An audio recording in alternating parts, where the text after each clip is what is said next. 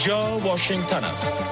رادیو آشنا صدای امریکا. با عرض سلام و وقت بخیر. شنوندگان گرامی خوش آمدید به برنامه خبری این ساعت که به میزبانی من سهر عظیمی و همکارم لیلما عظیمی برای شما تقدیم میشن نخست توجه شما را جلب می‌کنم به مشروع اخبار افغانستان منطقه و جهان از همکارم لیلما عظیمی سلام و صبح بخیر. مشروع خبرها. گزارش ها حاکی از آن است که تولید نفت در شمال افغانستان افزایش یافته است. با سرمایه گذاری 49 میلیون دلاری شرکت انرژی چین تولید نفت خام در حوزه نفتی در شمال افغانستان روزانه به 1100 متریک تن رسیده است. این یک برسوم سرمایه گذاری است که یک شرکت چینایی تعهد کرده است. شرکت چینایی موسوم به شرکت نفت و گاز آسیای مرکزی در شینجن قرارداد را با حکومت طالبان در ماه جنوری سال گذشته امضا کرد. این قرارداد برای 25 سال است و شرکت چینایی بر اساس قرارداد در سال اول باید 150 میلیون دلار سرمایه گذاری کند و میزان این سرمایه گذاری تا سال 2026 باید به 540 میلیون دلار برسد. یک مقام ارشد طالبان به شرط فاش نشدن نامش به صدای امریکا گفته است که این شرکت به دلیل ارزیابی نادرست هزینه های مواد و کار و از سوی دیگر تأخیر سماحت در تصویب طرح مالی از سوی طالبان نتوانسته است که به طور کامل در سال اول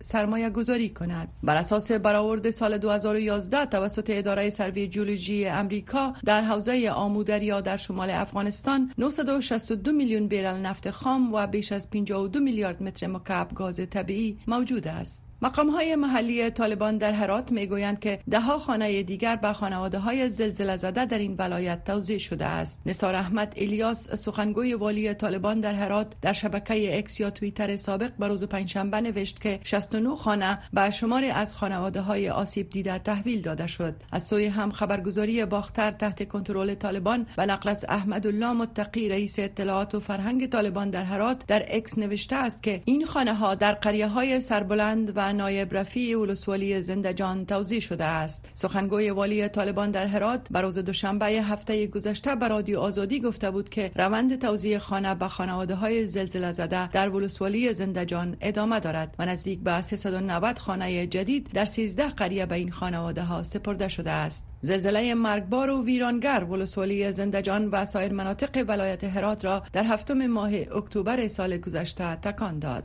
اداره هماهنگی امور بشری ملل متحد اوچا می‌گوید که بهای مواد غذایی و غیر غذایی اساسی در افغانستان به دلیل ادامه مشکلات اقتصادی و بحران بشری ثابت نیست. اوچا این را در گزارشی که به روز پنجشنبه در ریلیف وب منتشر شد گفته است. در ادامه آمده است که هزاران خانواده در افغانستان برای برآورده کردن نیازهای اساسی خود با مشکلات روبرو اند. بر اساس گزارش افزایش نفوس و بازگشت مهاجرین افغان از کشورهای همسایه مشکلات را افزایش بخشیده است اوچا در ماه جنوری گفته بود که بسته شدن گذرگاه تورخم بر افزایش بهای مواد خوراکه در بازارهای افغانستان تاثیر گذاشته بود رینا امیری نماینده ویژه ایالات متحده امریکا در امور زنان دختران و حقوق بشر افغانستان در مورد وضعیت زنان افغان با سفیر ازبکستان در واشنگتن دیدار کرد. بانو امیری می گوید گفتگوی سازنده در مورد موضع اصولی در قبال افغانستان فراگیر که از حقوق زنان و مردان افغان افغان حمایت کند با فرقت سیدیکوف سفیر ازبکستان داشته است. خانم امیری پنجشنبه در شبکه اکس نوشت که در این ملاقات در مورد اهمیت نقش منطقه‌ای ازبکستان در افغانستان نیز صحبت شده است. با آنکه ازبکستان حکومت طالبان را تاکنون به رسمیت نشناخته اما اخیرا کنترل سفارت افغانستان در شهر تاشکند پایتخت آن کشور را به نماینده حکومت طالبان واگذار کرد زمیر کابلوف نماینده ویژه روسیه برای افغانستان گفته است که در نشست دوها در 18 و 19 فوریه به نمایندگی از کشورش اشتراک می کند. کابلوف به خبرگزاری تاس روسیه گفته است که در این نشست به نمایندگی از شرکایش نیز حضور خواهد یافت اما وی از این شریکان نام نگرفته است. از کابلوف پرسیده هم شده است که نشست آینده فرمت مسکو چی زمان برگزار خواهد شد. وی در پاسخ گفته است که زمان و مکان این نشست پس از تصمیم گیری اعلام می شود. انتظار می رود در 18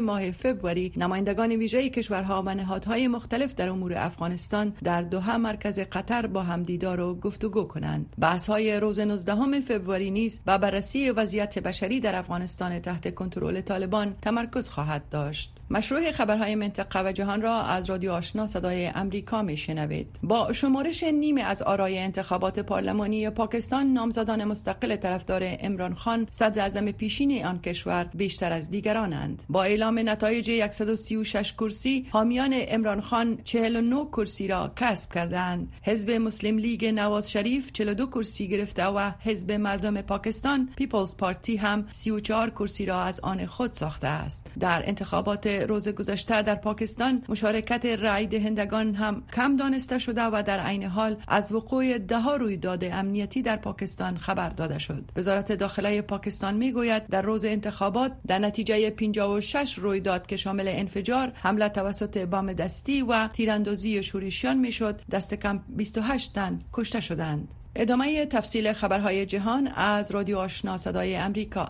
دور تازه از بمباران شهر غزه توسط نیروهای اسرائیلی آغاز شد. نیروهای اسرائیلی دور تازه از حملات هوایی بر غزه را دیروز از سر گرفتند. این حملات در حال شدت یافته است که بنیامین نتانیاهو صدر اعظم اسرائیل پیشنهادها در مورد مذاکرات روی آتش بس و حتی رهایی گروگانها از نزد گروه حماس را رد کرده است. حماس از سوی امریکا و اتحادیه اروپا به عنوان سازمان تروریستی دانسته می شود همزمان دیپلمات های چهار کشور شرقی میانه بار دیگر خواهان اقدامات غیر قابل تغییر برای برسمیت شناختن دولت فلسطینی شدند. خبرگزاری دولتی عربستان سعودی صبح دیروز خبر داد که این درخواست روز گذشته در اجلاس تکرار شد که به میزبانی این کشور برای بحث در مورد جنگ غزه برگزار شده بود. ایالات متحده امریکا ضمن ابراز مخالفت با عملیات نظامی اسرائیل بر شهر رفح در در جنوب غزه. روز پنجشنبه هشتم ماه فبروری هشدار داد که انجام عملیات در این ساحه بدون برنامه ریزی مناسب خطر مبدل شدن به یک فاجعه را با خود دارد. پیش از این بنیامین نتانیاهو صدر اعظم اسرائیل به نظامیان اسرائیلی دستور داد تا انجام عملیات و ورود به شهر رفح که بیش از نصف جمعیت 2.3 میلیونی غزه در آنجا پناه برده اند آماده شوند. جان کوربی سخنگوی شورای امنیت ملی قصر سفید پنجشنبه به خبرنگاران گفت در زمان و تحت شرایط شرایط کنونی که بیش از یک میلیون و شاید هم یک و نیم میلیون فلسطینی بر رفح بنا برده اند انجام هر گونه عملیات بزرگ نظامی بر این ساحه آن هم بدون در نظر گرفتن مسئولیت آوارگان یک فاجعه خواهد بود و ما از آن حمایت نمی کنیم. از سوی دیگر ویدانت پتیل معاون سخنگوی وزارت خارجه امریکا گفت اکنون هیچ نشانه ای از برنامه ریزی جدی برای انجام چنین عملیات دیدن نشده است. او گفت اگر بدون پلانگذاری یا پس از اندیشیدن مختصر چون این عملیات در ساحه انجام یابد فاجعه بار خواهد آمد.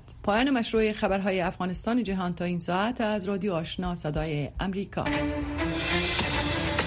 پایل. کاوشگری و جرفنگری رویدادهای داغ روز در افغانستان زیر سلطه طالبان. بارانات موجود در افغانستان چگونگی رویدادها تقابل دیدگاه ها بحث و مناظره در مورد راه حل مشکلات و بنبست های موجود در آن کشور از زبان کارشناسان، تحلیلگران و مسئولان. هایل هر جمعه شب ساعت افت و سی دقیقه به وقت افغانستان از شبکه ماهواره‌ای و نشرات دیجیتالی صدای امریکا. و حالا می‌رسیم به بخش گزارش های این ساعت. در آستانه برگزاری دو نشست در مورد افغانستان در قرقیزستان و قطر یک مقام حکومت طالبان معاون سیاسی ریاست الوزرای حکومت طالبان تحریم های بین المللی علیه حکومت طالبان و مقامات این گروه را ناعادلانه خوانده و افزود که این تحریم ها جلوی تعامل مذاکرات و تفاهم سیاسی با جهان را گرفته است. طالبان چگونه می توانند بنبست موجود را برطرف سازند؟ در رابطه به مطلبی از همکارم روی زمانی توجه کنید. با وجود تاکید مقرر طالبان برای تعامل بیشتر و به رسمیت شناختن حکومت این گروه از سوی جامعه جهانی تا کنون هیچ کشور این درخواست طالبان را جدی نگرفتند. این در حالی است که تامس نیکلسن نماینده اتحادیه اروپا برای افغانستان در یک سفر در کابل قبل از نشست دوحه از برگزاری نشست در قزاقستان در مورد افغانستان خبر داده گفته است که تمرکز اصلی سفرش به کابل مقایسه ها با مقامات طالبان دیگر افغانها و نمایندگان جامعه دیپلماتیک بوده تا برای یک نشست سازنده در دوحه آماده شوند. با وجود تلاش های طالبان هنوز بنبست ایجاد شده برای برسمیت شناختن حکومت این گروه نتیجه ملموسی در پی نداشته است.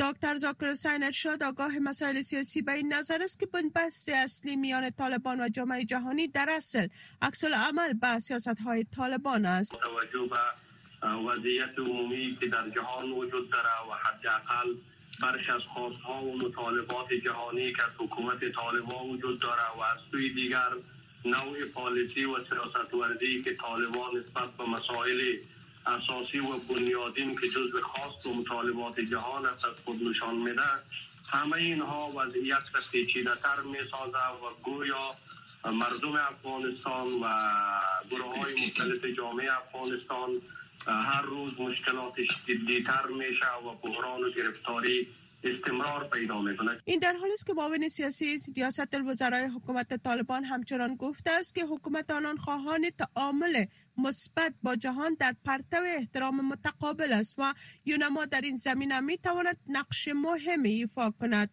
این مقام طالبان تاکید کرده است که حکومت طالبان تمام شرایط را برای مشروعیت تکمیل کرده و باید بر رسمیت شناخته شود و نیز کرسی دائمی افغانستان در ملل متحد به این گروه سپرده شود. اما حیدر عدل آگاه مسائل سیاسی استدلال می کند که بر رسمیت شناختن طالبان با توجه بر روی کرده که آنان در افغانستان در حال حاضر اعمال کردند یک اشتباه توسط جامعه جهانی خواهد بود. شما این برخوردهایی را که در برابر مردم انجام میدن اختطافها و ترورهایی را که انجام میدن نارامی های وجود آمده این گروه های تروریستی که امروز عملا در افغانستان فعال هستند و یک بخش وسیع کمک های مالی و نظامی را خود طالبا و رزی گروه ها انجام میدن ما شاهد هستیم که در حدود هفت هشت کمپ مختلف از طرف داعش در نقاط مختلف افغانستان ایجاد شده. اینا همه ناشی از عملکرد غیر مسئولانه طالبان است. در برابر اون تعهدی که به دوحه دادن. اسنادی که امضا کردن در پای از او اسناد که اینا امضا کردن به تعهدات خود عمل نمی کنن از این لحاظ یونما واضح هست که اینا را انتقاد می‌کنه و از اینا بازخواست می‌کنه و ای که اینا ادعا دارن که ما همه خواسته های جامعه جهانی را تکمیل کرده و مد نظر داریم ما چیزی از این لحاظ نمی‌بینیم.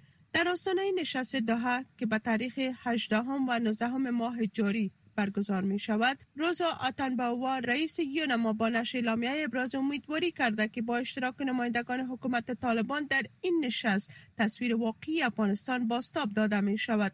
و گفته او نمایندگان کشورها در این نشست حضور خواهند داشت و باید به هیئت حکومت طالبان فرصت برگزاری نشست های دو جانبه چند جانبه و تبادل نظر فراهم شود. رادیو آشنا صدای امریکا. پنج تا هفت صبح و هفت شام تا ده شب. تازه ترین خبرها و گزارش ها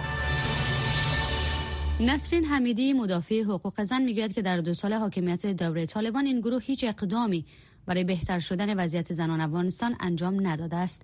اکنون فرصت مساعد شده است تا گروه های مدافع حقوق زن و حقوق بشر مستقیما از منشی عمومی ملل متحد بخواهند تا در زمینه اعاده حقوق زنان افغان اقدام لازمی کند و مصاحبه همکارم فرخنده پیمانی با خانم حمیدی توجه کنید. خانم حمیدی فکر می‌کنین که نامه سرگشاده سازمان های مدافع حقوق بشر و حقوق زنان افغان و آنتونیو گوترش منشی عمومی سازمان ملل متحد جدی گرفته شود؟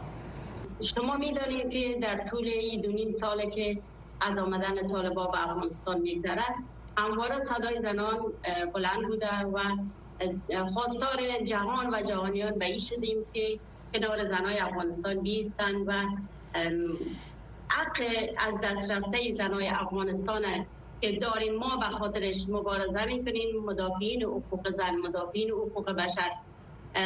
برای جهان صدا بلند می‌کنن داد می‌زنن فریاد می‌زنن که ما از کلیه حقوق انسانی خود محروم شدیم. خب در دو نیم سال که نشدیدن آلیا این فرصت است که سازمان ملل متحد اون یک استیج بسیار بزرگ بین المللی هست نماینده های اکثر کشورها اونجا حضور دارند پس بناهن درخواست را که ما داریم نامی را که ما برشان فرستادیم باید جدی بگیرن. و واقعا ثابت کنند که دفاع از حقوق بشر می‌کنن دفاع از حقوق زن می‌کنن و مردم افغانستان تنها نمی‌گذارن ما تای ای درخواست که به سازمان ملل فرستادیم نماینده های رد بر اونا معرفی کردیم تا باشد خواست های ما را به این کنفرانس به کنفرانس برسانند و حق حقوق زنای افغانستان و مردم افغانستان اونجا مطالبه کنند. آیا خواست هایتان را با کدام مقام یا اداره حکومت طالبا هم شریک کردین قبل از یا خیر؟ خب شما این حکومت طالبا ما طالب بر رسمیت نمی‌شناسیم. وقتی بر رسمیت نمی‌شناسیم چطور ما مطالبه از اونا می داشته باشیم؟ ما هیچ خواست و هیچ حرف با طالب نداریم. طرف عرف صحبت ما سازمان ملل سازمان های حقوق بشری است که ما درخواست را که به اونا دادیم می‌خوایم که این درخواست از آدرس بیشتر از چل نهاد مدنی سازمان حقوقی و جنبش ها و افراد و اشخاص حقوقی و حقوقی مدافعین حقوق بشر هست که ما تحت جنبش بزرگ چتر اتحاد ملی ما این نامه را نوشتیم و نماینده ها را برای سازمان ملل متحد معرفی کردیم که این نماینده های ما اونجا باید در جلسه حضور داشته باشند حضور فیزیکی داشته باشند. و خواست های ما را که شامل. خواست های ما شامل این موضوعات است که ما در قدم اول سازمان ملل و جهان و سازمان های حقوق بشری را ازشان خواستاری هستیم که طالبا به هیچ عنوان بر رسمیت شناخته نشن و تحریم ها و موضوعاتی که اونا را از استیجای بین المللی دور بسازه بیشتر بر اونا شود بله. و طالبا من حیث گروهی که مرتکب جرایم جنایی شدن مرتکب آپارتاید جنسیتی هستند نسل کشی است و حقوق اقا و ابتدایی ترین حقوق زنای افغانستان ازشان گرفتن باید تحت پیگرد قرار بگیره پاسخگو قرار داده شود و به سازمان به دیوان کیفری عالی جهان و سازمان ملل متحد معرفی شود و در ضمن در لیست سیاه سازمان ملل متحد حفظ شوند و به این ترتیب کنار زنهای افغانستان مردم افغانستان سازمان ملل و سازمان های حقوق بشری قرار بگیرند فکر می‌کنین در نشست دوها به زنان معترض افغان نیز فرصت داده شود تا خواستایشان را مطرح بکنن؟ البته که چنین خواست ما هست. پس نامی که ما روان کردیم به سازمان ملل چی هست؟ خواست ما همی است که وقت بتن فرصت بتن به زنای افغانستان به معترضین و مدافعین حقوق زن که بتانن خواستای خود اونجا بازگو کنند و حق که ما در دو نیم سال از دست دادیم. به خاطر اینمی معاملات سیاسی جهان او را دوباره ما بتانیم از طریق اینمی سازمان ملل از طریق سازمان های حقوق بشری دوباره به دست بیاریم. و افغانستان چون در آلت قرار داره که اونجا کاملا زندگی مردم تحت خطر است فقر اقتصادی است نسل کشی است و جنایات جنگی هست. هیچ یعنی همیت وجود نداره برای مردم افغانستان. امروز شما گفتین کوتاه اما من می‌خوام یک موضوع یادآوری کنم. که در موضوعی که آمریکا خواسته که تا تنگره برای کمک به افغانستان دوباره باید پول ماهوار خود را افتوار خود را دوباره 40 میلیون بفرسته اما من من میگم امریکا به خاطر خواست مردم خودش که تا امریکا در امن باشه آیا چطور امکان داره که مردم افغانستان پایمال بکنه و حقوق مردم افغانستان نادیده بگیره؟ و مردم افغانستان در قرار بدن رادیو آشنا صدای امریکا. پنج تا هفت صبح و هفت شام تا ده شب. تازه ترین خبرها و گزارش ها حکومت سرپرست پاکستان و دنبال انتقادهای گسترده از نحوه برگزاری انتخابات پارلمانی روز پنجشنبه در این کشور دفاع کرد. از سوی هم شهروندان پاکستان می‌گویند که خواستار تشکیل حکومتی هستند که بتواند به مشکلات اقتصادی در این کشور رسیدگی کند. شرح بیشتر از میرویس رحمانی. گوهر ایجاز سرپرست وزارت داخل پاکستان یک روز پس از برگزاری انتخابات پارلمانی در این کشور گفت که این انتخابات تحت شرایط امنیتی استثنایی برگزار شد. او روز جمعه در یک نشست خبری گفت که حکومت سرپرست پاکستان به خاطر تأمین امنیت مردم مجبور به گرفتن تصامیم شد که غیر محبوب اما ضروری بود.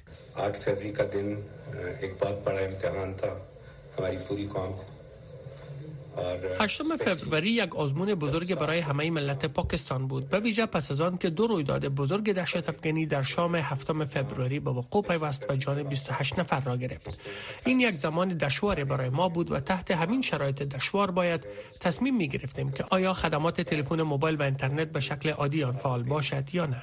انتخابات پارلمانی پاکستان روز پنجشنبه در اوج تهدیدهای امنیتی برگزار شد و حکومت سرپرست این کشور به خاطر دلایل امنیتی خدمات تلفن موبایل و اینترنت را قطع و گذرگاه های مرزی پاکستان با افغانستان و ایران را مسدود کرد. وزیر داخلی موقت پاکستان با دفاع از نحوه برگزاری این انتخابات گفت که صدها هزار منصوب اردو و سایر نهادهای امنیتی برای تامین امنیت این انتخابات توضیف شده بود.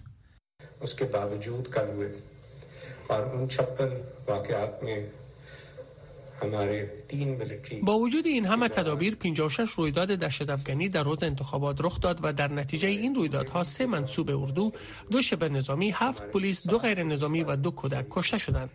از سوی هم کارشناسان قبل از اعلام نتایج نهایی انتخابات پارلمانی پاکستان پیش بینی کردند که هیچ حزب مطرح سیاسی موفق به کسب اکثریت کرسی ها نمی شود و روی همین دلیل حکومت آینده در پاکستان یک حکومت ائتلافی خواهد بود.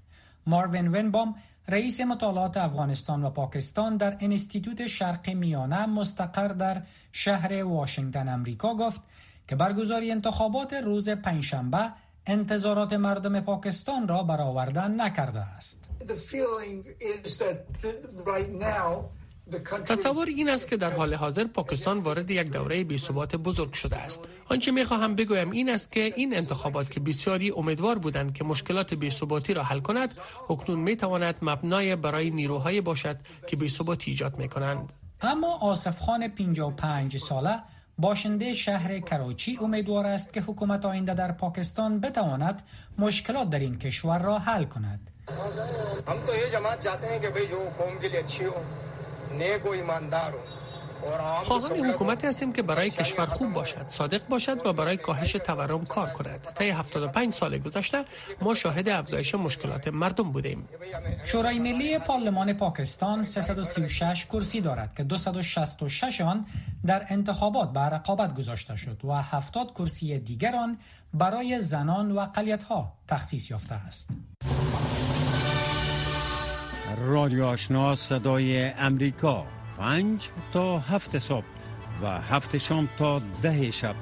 تازه ترین خبرها و گزارش ها تنش ها در شرق میانه پس از آن که ایالات متحده یک فرمانده گروه شبه نظامی تحت حمایت ایران را به روز چهارشنبه در حمله درون در بغداد کش در حال افزایش است. کارلا باب گزارشی در این رابطه دارد که شرح آن را من سهر عظیمی تقدیم می کنم. عزاداران با نراهای تکبیر در مراسم تشییع جنازه وسام محمد الساعدی فرمانده کتایب حزب الله اشتراک کردند او روز چهارشنبه در یک حمله تیاره بدون سرنشین آمریکایی در خیابان شلوغ در بغداد کشته شد.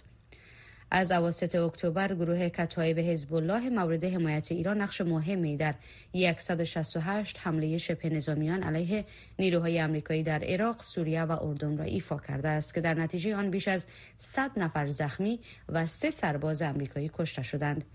جنرال دن هاکنسن فرمانده نیروهای آمریکایی گفت اگر بر ما حمله کنید و به مردم ما صدمه بزنید ما می‌دانیم که شما کی هستید و شما را پیدا خواهیم کرد. پس از سه روز بدون حمله بر پایگاه های ایالات متحده هواداران شبه نظامیان اکنون متحد شدند که ترور الساعدی را تلافی کنند. شیخ فیصل السعیدی عالم دینی عراق است. این حمله مرگبار با پاسخ جنبش های مردمی و با پاسخ مقاومت اسلامی مواجه خواهد شد و هیچ مذاکره با امریکایی ها و حل وجود ندارد تنها را هدف قرار دادن پایگاه های این اشغالگران است قصر سفید می‌گوید که به حاکمیت عراق احترام کامل می‌گذارد و رابطه خوبی با دولت عراق را حفظ می کند. جان کربی سخنگوی شورای امنیت قصر سفید گفت اگر به نیروهای ما که به دعوت دولت عراق در آنجا اند حمله نمی‌شد نیاز به حمله تلافی جویانه نبود. امریکا ایران را به حمایت از گروه های شبه نظامی متهم کرده است اما پنتاگون می‌گوید که هیچ ایرانی در حملات اخیر ایالات متحده کشته نشده است. رادیو آشنا صدای امریکا پنج تا هفت صبح و هفت شام تا ده شب. تازه ترین خبرها و گزارش ها چهار ماه پس از حمله حماس بر جنوب اسرائیل در هفتم اکتبر اسرائیلی ها همچنان با عواقب نفوذ و قلمرو خود آسیب های وارده به خانواده هایشان و نگرانی ها در مورد آیندهشان دست و پنجه نرم می کنند. گزارش سیلیا مندوزا را از همکارم عبدالواجد عادل بشنوید. چهار ماه پس از حمله حماس به جنوب اسرائیل که بدترین حمله دهشت افغانی به این کشور از زمان تأسیس آن در سال 1948 تلقی می گردد می گذارد.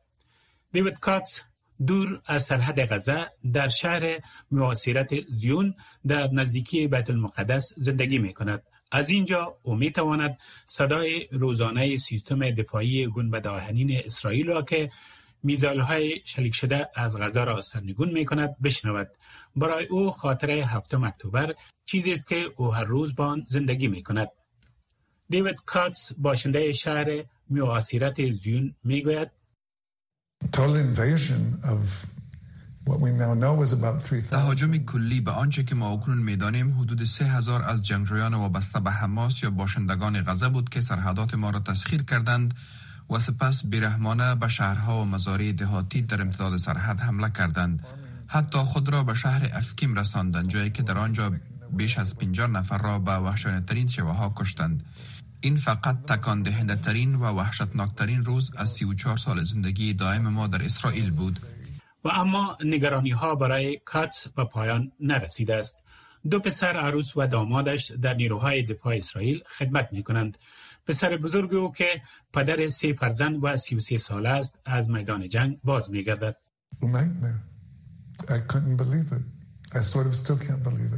یک کابوس. من نمی توانستم آن را باور کنم. من هنوز نمی توانم آن را باور کنم. اما الان حداقل فعلا او به خانه می آید به همه نیروهای احتیاط گفته می شود که باید برای بازگشت احتمالی در ماه می برنامه ریزی کنند. آمیچای کوهن کارشناس ارشد انستیتوت دموکراسی اسرائیل می‌گوید که بسیاری از خانواده های اسرائیلی در همین وضعیت قرار دارند. I have a son who's fighting and, and in the combat zone. So, so there is من پسر دارم که در منطقه جنگی می جنگد بنابراین احساس خطر واقعی برای یکی از اعضای نزدیک خانواده وجود دارد اما سوی دیگر وقت در اطراف تل یا بیت المقدس قدم می‌زنید از نظر اقتصادی کشور به حالت عادی باز می گردد. بسیاری از اسرائیلی ها هیچ راه آسان برای حل مناقشه در غزه نمی بینند. در همین حال آنها با فشار افکار بینالمللی تلفات غیر نظامی فزاینده در غزه و پرسش های پایان در مورد این که چه کسی همه چیز را آغاز کرد و شاید مهمتر از همه چگونه پایان خواهد یافت مواجه هستند. باز هم امیچا کوهن. It's terrible that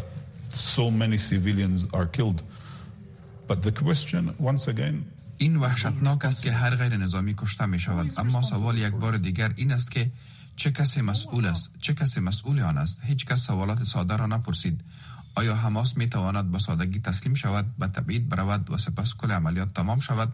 یک نظرسنجی که ماه گذشته توسط انستیتوت دموکراسی اسرائیل منتشر شد نشان داد که نزدیک به 68 درصد از اسرائیلی های شرکت کننده معتقدند که درگیری بیش از دو ماه ادامه خواهد یافت. در حالی که بیشتر از 45 درصد تخمین می‌زنند که بیش از چهار ماه ادامه خواهد داشت. فقط بیش از 17 درصد گفتند که نمی‌دانند چگونه تا چه زمان ادامه خواهد داشت. همراه با عدم اطمینان یک ترس متداوم نیز موجود است. شانار تزکی ساکن تلبیب پدر دو دختر در حال بحث در مورد اینکه آیا کشور را ترک کند یا خیر می‌گوید. I think since that time I'm always thinking to myself فکر می کنم از زمان آغاز جنگ تا حال همیشه با خودم فکر می کنم که آیا می خواهیم اینجا در اسرائیل بمانیم یا نه؟ به نظرم دشوار است. در این حال عملیات نظامی در غزه و تلاش ها برای آزادی گروگان های باقی مانده نزد حماس ادامه دارد. در اینجا می رسیم به پایان بخش اول سرویس خبری رادیو صدای آمریکا. برنامه های دری و پشتوی ما ادامه دارد. شنونده برنامه های ما باشید.